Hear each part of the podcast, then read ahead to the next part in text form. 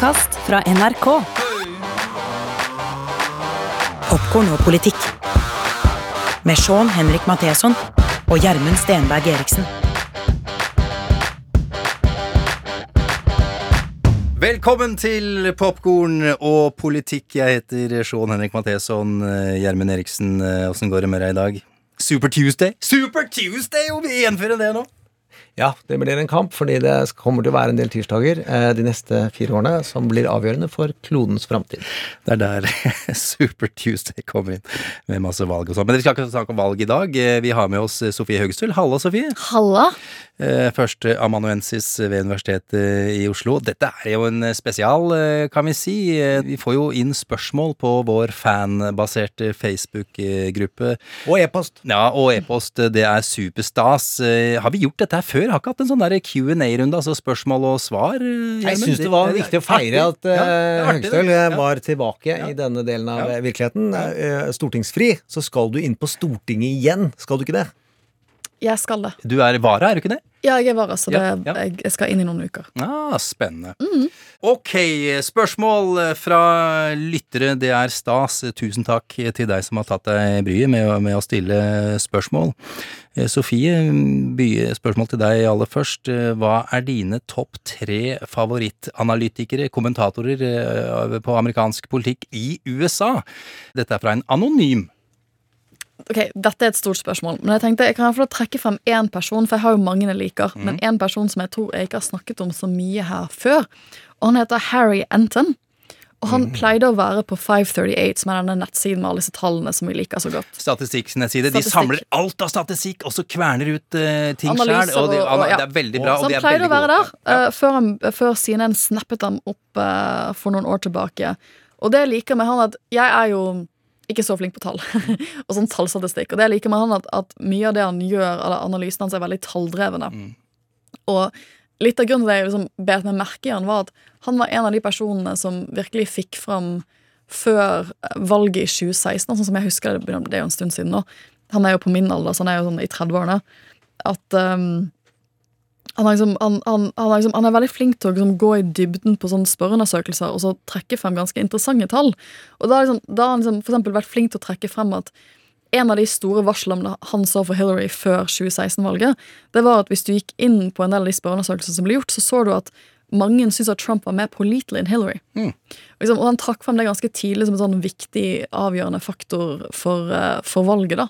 Um, litt det samme med at, at i 2020 så var Biden hadde mer troverdighet og viktighet enn det. Så han, er liksom, han er flink til å liksom crunche masse tall og så trekke frem ganske interessante analyser. Så jeg setter veldig pris på Han er også på Twitter. Jeg setter veldig pris på han. Harry Enton der, altså, på CNN. Whizkid Harry Whiz Enton blir han kalt i 538-greiene. 538 er jo da de flinkeste på valgprediksjoner. Ved å modellere og prøve å sette opp en sannsynlighet for hvem som vinner. Så kan man uh, ta og snakke mye om det fagfeltet. Whiskid har jo da konkurranser med min favoritt. Nate Silver er jo min eh, tredjeplass, hvis jeg skal ta det nedenfra, som leder det stedet. Eh, og Wizkid Harry Anton er jo da en av de få som kan by opp til kamp i detaljfaktakunnskap om alle valgresultater i amerikansk historie. Og lettforklart, da, som er litt eh, viktig her også. Som vi prøver Ja. å få inn. Ja, ja, ja. Andreplassen vil jeg jo gi til ei som er på venstresiden og er ideologisk preget, og er på MSNBC og tar seg nå permisjon. Rachel Maddow, som har det eh, venstresideflaggskipet på MSNBC, har jo hatt en podkast av sine sendinger som varer en time hver dag.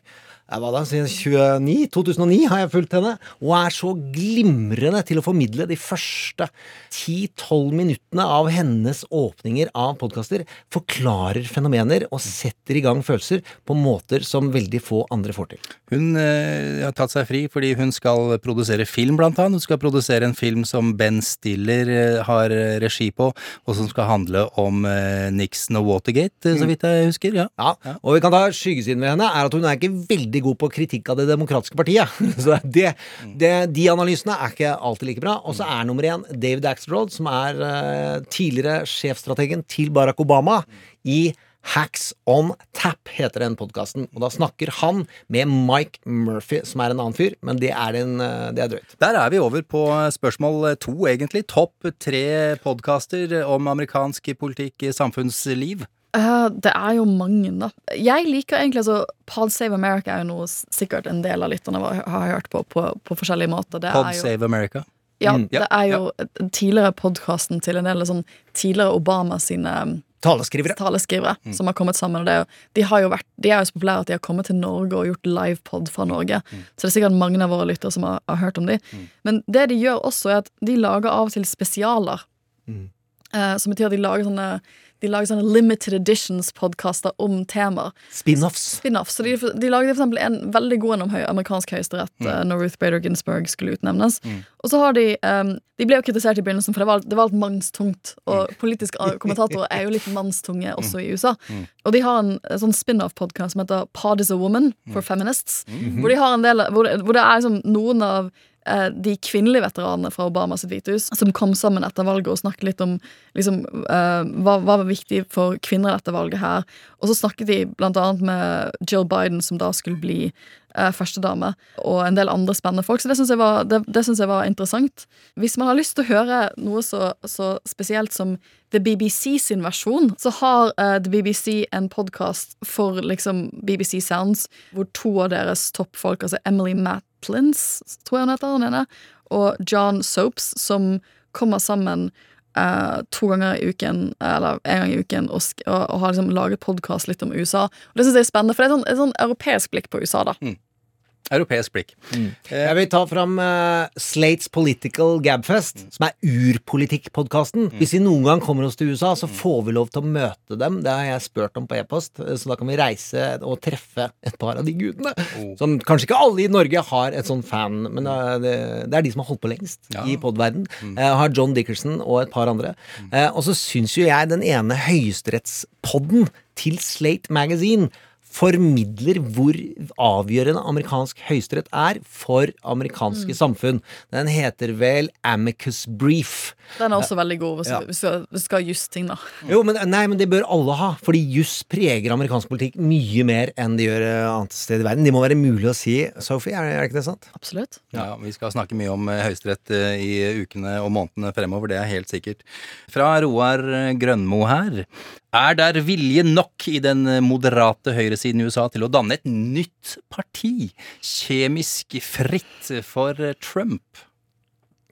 Dette er jo det store spørsmålet. Eh, og det er jo et spørsmål som har ridd det republikanske partiet, og de som er eh, Kanskje, altså Noen av de som, som misliker Trump mest, er jo republikanere. Tradisjonelle republikanere som føler at de, han har ødelagt partiet deres. Dette har vært en langvarig kamp de siste årene innad i partiet. Og vi vet jo at litt av grunnen til at republikanere omfavnet Trump igjen etter stormen av Kongressen, var fordi at han skal ha truet, det har kommet ut i pressen, og at han skal virkelig ha truet med å starte et eget parti. Og da vinner de aldri Og da- og- og igjen. Men det, det, det dette handler om, det som gjør det vanskelig, og det som gjør det sitter så langt inne, at hadde, hadde dette vært i Norge, så tror jeg at de hadde formet et nytt parti. Det er ikke lett å forme et nytt parti i Norge, bare spør Parti Sentrum. Som ble lansert med bram og brass med masse ekspolitikere fra forskjellige partier, og så gjorde de det ikke så veldig bra i valget. Det er, det er vant, det er en oppoverbakke i Norge også. Men Forskjellen er at USA er et topartisystem. Det betyr at når du stiller til valg, så er det jo vinneren av det valgdistriktet. Det er de som får flest stemmer, som vinner hele valgdistriktet. Mens i Norge, liksom i Oslo, så er det 20, 20 stortingsplasser, og selv om du får 4 der, så kan du få en stortingsmandat i Oslo. Så du trenger ikke å vinne alt i Oslo for å få noe i Oslo. Og det er sånn, det man kaller proportional rep, altså proporsjonell representasjon. Det er det vi har. Eh, og det gjør at eh, hvis, du, hvis du danner et nytt parti i USA, så ikke bare gjør du antagelig slik at det republikanske partiet ikke kommer til å vinne nasjonale valg på en stund, men du må også egentlig godta at du heller altså Da kommer du ikke ditt, ditt nye parti, selv om du gjør det skikkelig bra, kommer ikke til å være levedyktig i en presidentvalgkamp på lang, lang tid. Med mindre noe ekstraordinært skjer. Så jeg tror at bare det valgsystemet det gjør at det, er, det koster så mye mer å bryte ut og skape sitt eget parti at de har ikke helt greid å gjøre det ennå. Dette har vel demokratene hevdet at de har lidd under enkelte ganger når uavhengige kandidater har stilt opp og, Ja. og tatt for mange stemmer fra demokratene, demokratene, slik at republikanerne Ja, nettopp. Green Party er ikke populært i sentrum i det demokratiske partiet. Så er det noen bevegelser, da. Det er jo Starter du et parti for å starte en ny moderat bevegelse, eller starter du et parti for å ødelegge for det republikanske partiet? Og det er f- at det kommer nok penger til at i en eller annen delstat så skal de klare å få et utfordrerparti på beina, sies det. Men de klarte det ikke i forrige runde, og da hadde de virkelig planer om det var jo ingen, De moderate kreftene ønsket ikke at Trump skulle vinne i 2020 heller. I California så er det en, et seriøst alternativ som vokser opp og vokser fram, og vil sette i gang tanken om en moderat bevegelse. Men de vil jo aldri få makt i California, fordi California er så gjennomdemokratisk som det kan få blitt. Så det, men der ønsker de å starte en moderat bevegelse for at det på sikt kan bli noe. Der er jo Mike Murphy, han fra podkasten Hacks on Tap. Han støtter den og endorser den. Ja, for du må jo, det du må Det du egentlig må finne, er jo en person som er villig til å stille som presidentkandidat i 2024 for et sånn nytt republikansk parti, som er at jeg taper, men jeg må bruke to år av livet mitt og kanskje ikke få noe penger for dette, og det blir super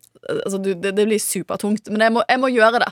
Ikke sant? Det, det er sånn Det å finne en profilert nok person som gidder å ta den, altså orker å kjøre det løpet, det er vanskelig å gjøre. Men gjør de det, så kommer nok republikanerne, altså gamle partiet, til å slite med å vinne i 2024. Vi har jo snakka med han som gjorde det i forrige runde, Stuart Stevens, den mestvinnende republikanske strategen gjen, altså, som lever, da, gjennom tidene.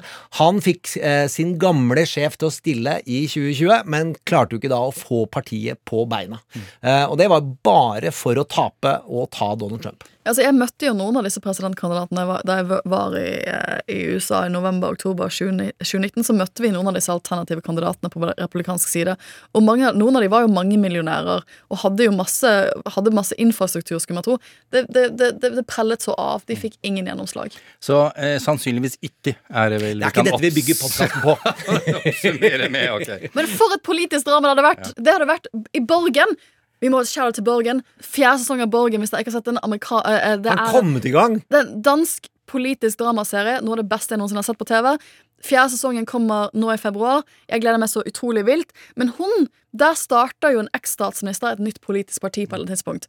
Og det er bare en vakker sesong. Og det er bare nydelig. Har du sett sesongen?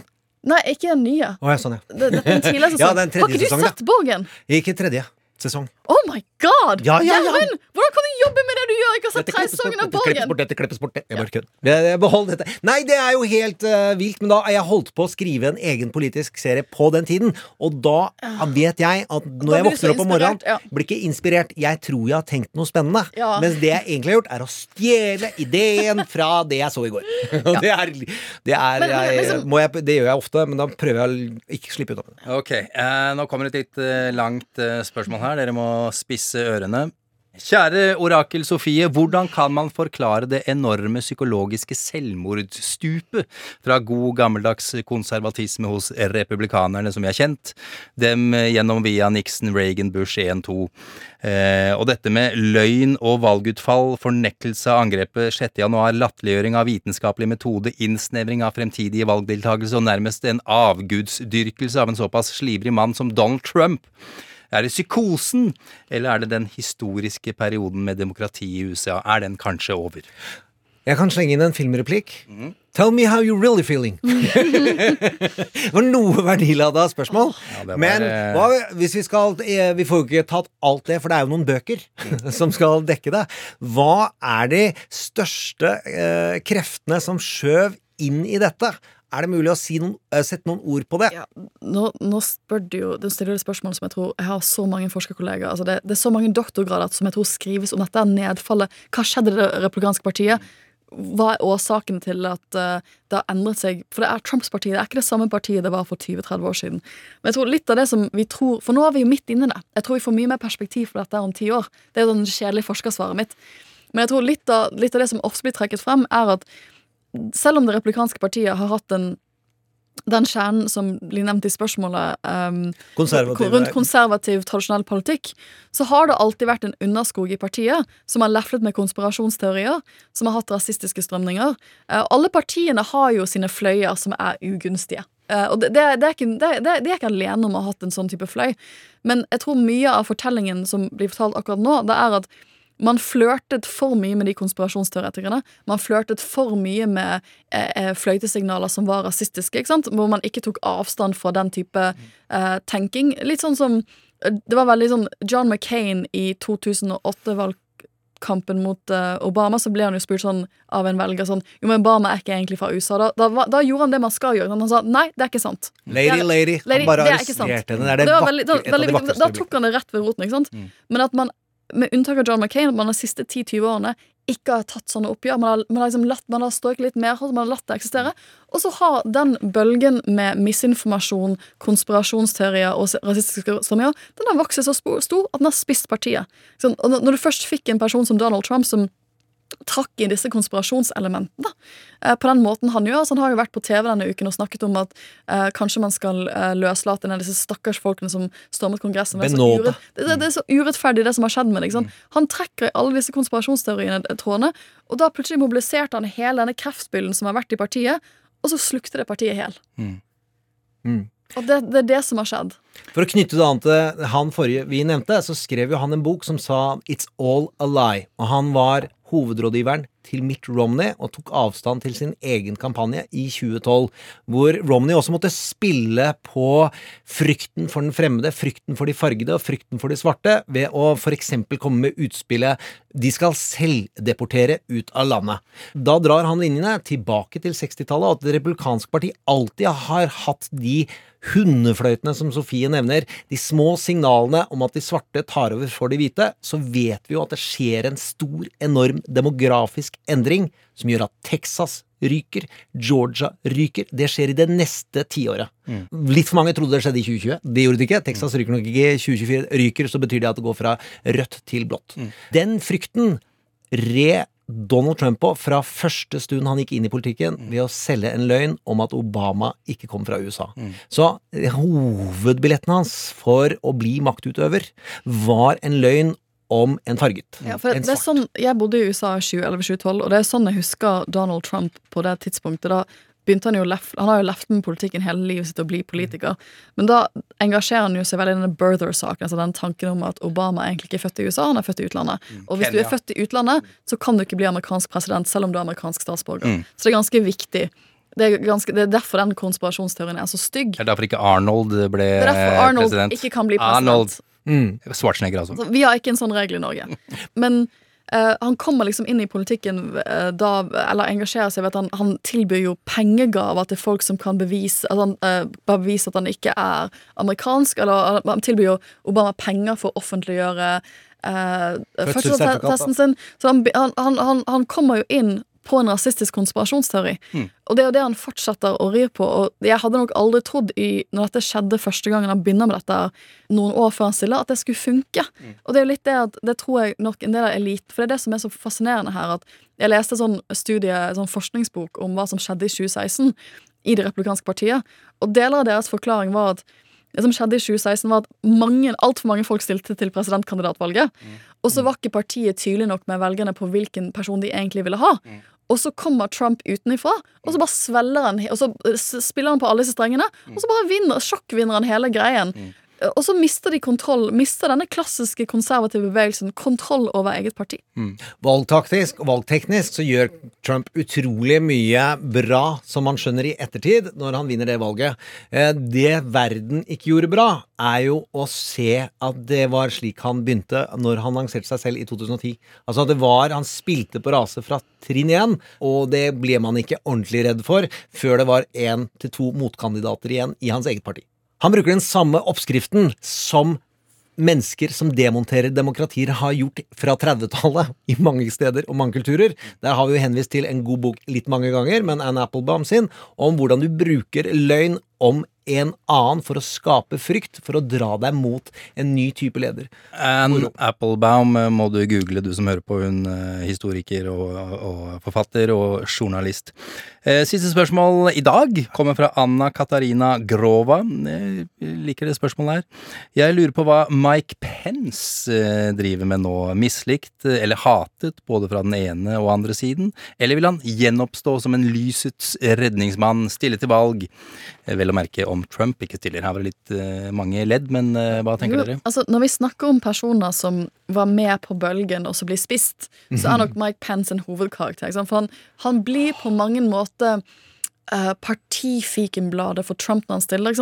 Trump, veldig utradisjonell kandidat, vinner, uh, blir presidentkandidat. Og så må de matche han med noen. Og Mike Pence er jo da villig til å liksom bruke Han er sånn tradisjonell republikaner som da er villig til å bruke all den legitimiteten eller standingen han har i partiet, til å på mange måter gi et godkjentstempel til Trump. da Kristenkonservativ. Kristenkonservativ, ja.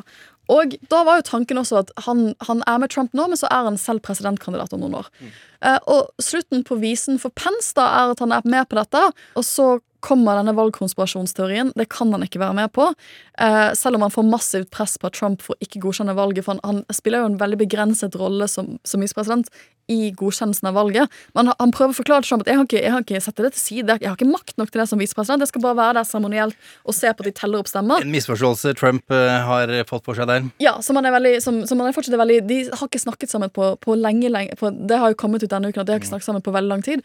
Og så skjer jo stormingen av Kongressen, hvor en del av Trumps sine tilhengere står utenfor med galger eh, og, og, og vil henge Mike Pence.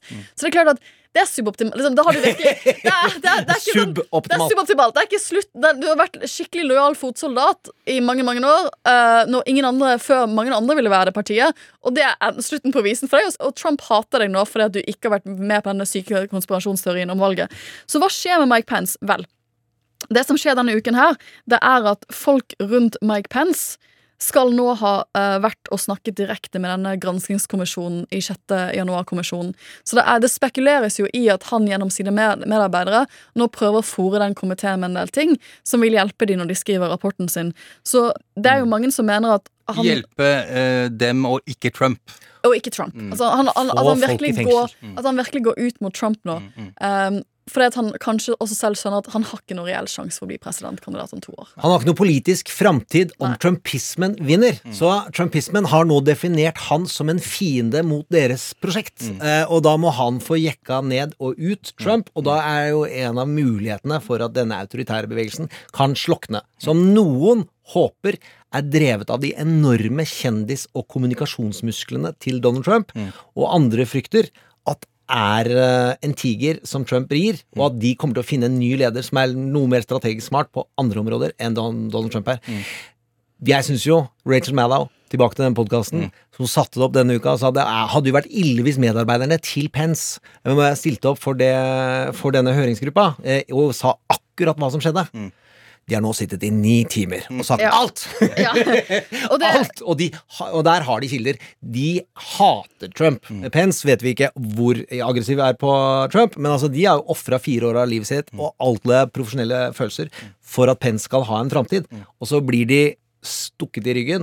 Jeg tror i tillegg også at det kan bo noen ordentlige idealer inni dem, bare så det er sagt. ja, og det siste døgnet ser vi også at um, nasjonal, nasjonalarkivene i USA har uh, gått med på å gi en del dokumentasjon fra Mike Pence til denne granskingskomiteen. Så dette er kjempespennende. Dette er jo kanskje et oppgjør da mellom Mike Pence sin oppgjørstime med Donald Trump. Og så er det jo stor spenning knyttet til om han faktisk til slutt da vil gå med på å snakke med denne komiteen, eller om han ikke kommer til å gjøre det. Kan uh, Pence uh, vippe trumpister over til sin side, hadde jeg nær sagt? Er det mulig? Ikke trumpister, tror jeg, men han kan ta og hente moderate republikanere til sitt prosjekt. i Ja, bedre Eh, sagt, så selvfølgelig. Den lojale ja. basen til Trump er jo Ja, villig til å ja, gå i. Altså, og storme Trump- kongress. Deler av Trump, Trump, folk rundt Trump har jo lyst til at Mike Pence skal bli etterforsket for at han ikke, over, at han ikke opphevet valgresultatet. Så de mener jo at han skal straffes for Det dette store sviket. Ja. Så han, han har ikke så mye å hente. Han er ikke populær. Det er det som er tilfellet for så mange som har vært rundt Trump, som har støttet han tidligere. At Trump kaster de ut. Mm. de kan være lojale mot Trump i flere år, men når, når, når Trump ikke vil ha dem mer, så er snur han totalt. Og det er det han har gjort med Mike Pence også. Ja. Som eh, boka sier, som dere ikke behøver å lese, men det er en av de kuleste titlene. Everything Donald Trump touches dies. Det gjelder ikke om hans valgsjanser, dessverre, men når det handler om personell utenom hans familie, så brenner Trump bruer. Da kan vi legge inn cliffhanger-musikken her, fordi den siste hadde jeg jo ikke tenkt på, men rett og slett Donald Trump har jo lovt rettsprosesser for å matche de rettsprosessene vi har nå, hvis han vinner valget i 2024. Så Pence framtid henger in the balance, så det griner etter. Og han har eh, Det, det blir vilt moro. Ja, det du sier nå er at eh, eh, Trump har lovet at han skal også stille Biden for riksrett dersom han kommer til valg. Men også stille, ha Ja. egen rettssak mot de. Og der er vi jo i 2022, at Representantenes hus kan begynne med egne høringer hvis republikanerne Ja, får flertall det, det er nok en av de tingene som står på spill her. At hvis, for det, det er jo en god sjanse, som vi har snakket om uh, i podkasten nylig, at Huset ryker. republikanerne tar over Underhuset i Kongressen. Og en av de viktigste tingene et Underhuskongressen kan gjøre, det er å igangsette en riksrettetterforskning. Og bare etterforske generelt sett. Det en av det. Og dette var jo akkurat det demokratene gjorde mot Trump da de fikk flertall i Kongressen i 2018. Da begynte de med masse gransking. Og det er jo det republikanerne tror, tror med nå. At liksom, det blir takk for sist. Nå skal vi granske Biden og alt rundt dette. Masse. Forskjellen er jo at uh, demokratene hadde reelle grunner for å sette i gang innforskning. Det er ikke brått sikkert at uh, Trump eh, har det. Og Det er jo derfor denne, Det- denne 6. januar-komiteen som gransker, de jobber på spreng nå, for de skjønner at de kan, gå, de kan fort bli nedlagt etter valget i november. Så de må levere rapporten sin før valget for å ha en sjanse for det. For det Og for å påvirke ut. valget. Det var det vi rakk av dagens Super Tuesday, Super Tirsdag og Q&A, spørsmål og svar. Tusen takk, Sofie. Du som hører på, du kan jo laste ned eh, tidligere podkaster vi har eh, laget. Eh, Popkorn og politikk finner du i appen NRK Radio. Og jeg har lyst til å kaste inn Trump mot verden og jeg er min fader, der ligger det mye gull i all Vi mener jo det, og jeg tvinger mamma til å høre på den, og jeg ringer andre til å høre på den, og det vil vi at dere gjør også. Ring folk, anbefal, og si Vet du hva, der har du 140 timer med tung politisk eh, innsikt til lett underholdning. På fredag kommer Sten Inge Jørgensen. Vi skal til Tyskland, og vi skal til EU, og vi skal snakke om eh, Ukraina. Vi høres da. En podkast fra NRK. Jeg er Nima Shahinian og er produktdesigner. Visste du at vi allerede nå kan 3D-printe levende organer? Hei, jeg heter Selda Ekiz. I Burde vært pensum skal jeg dele min kunnskap med deg. Kunnskap som jeg mener burde vært pensum. Hei, jeg heter Erling Kagge. Visste du at dugnaden har vært med på å gjøre nordmenn til verdens lykkeligste folk? Podkasten Burde vært pensum hører du først i appen NRK Radio.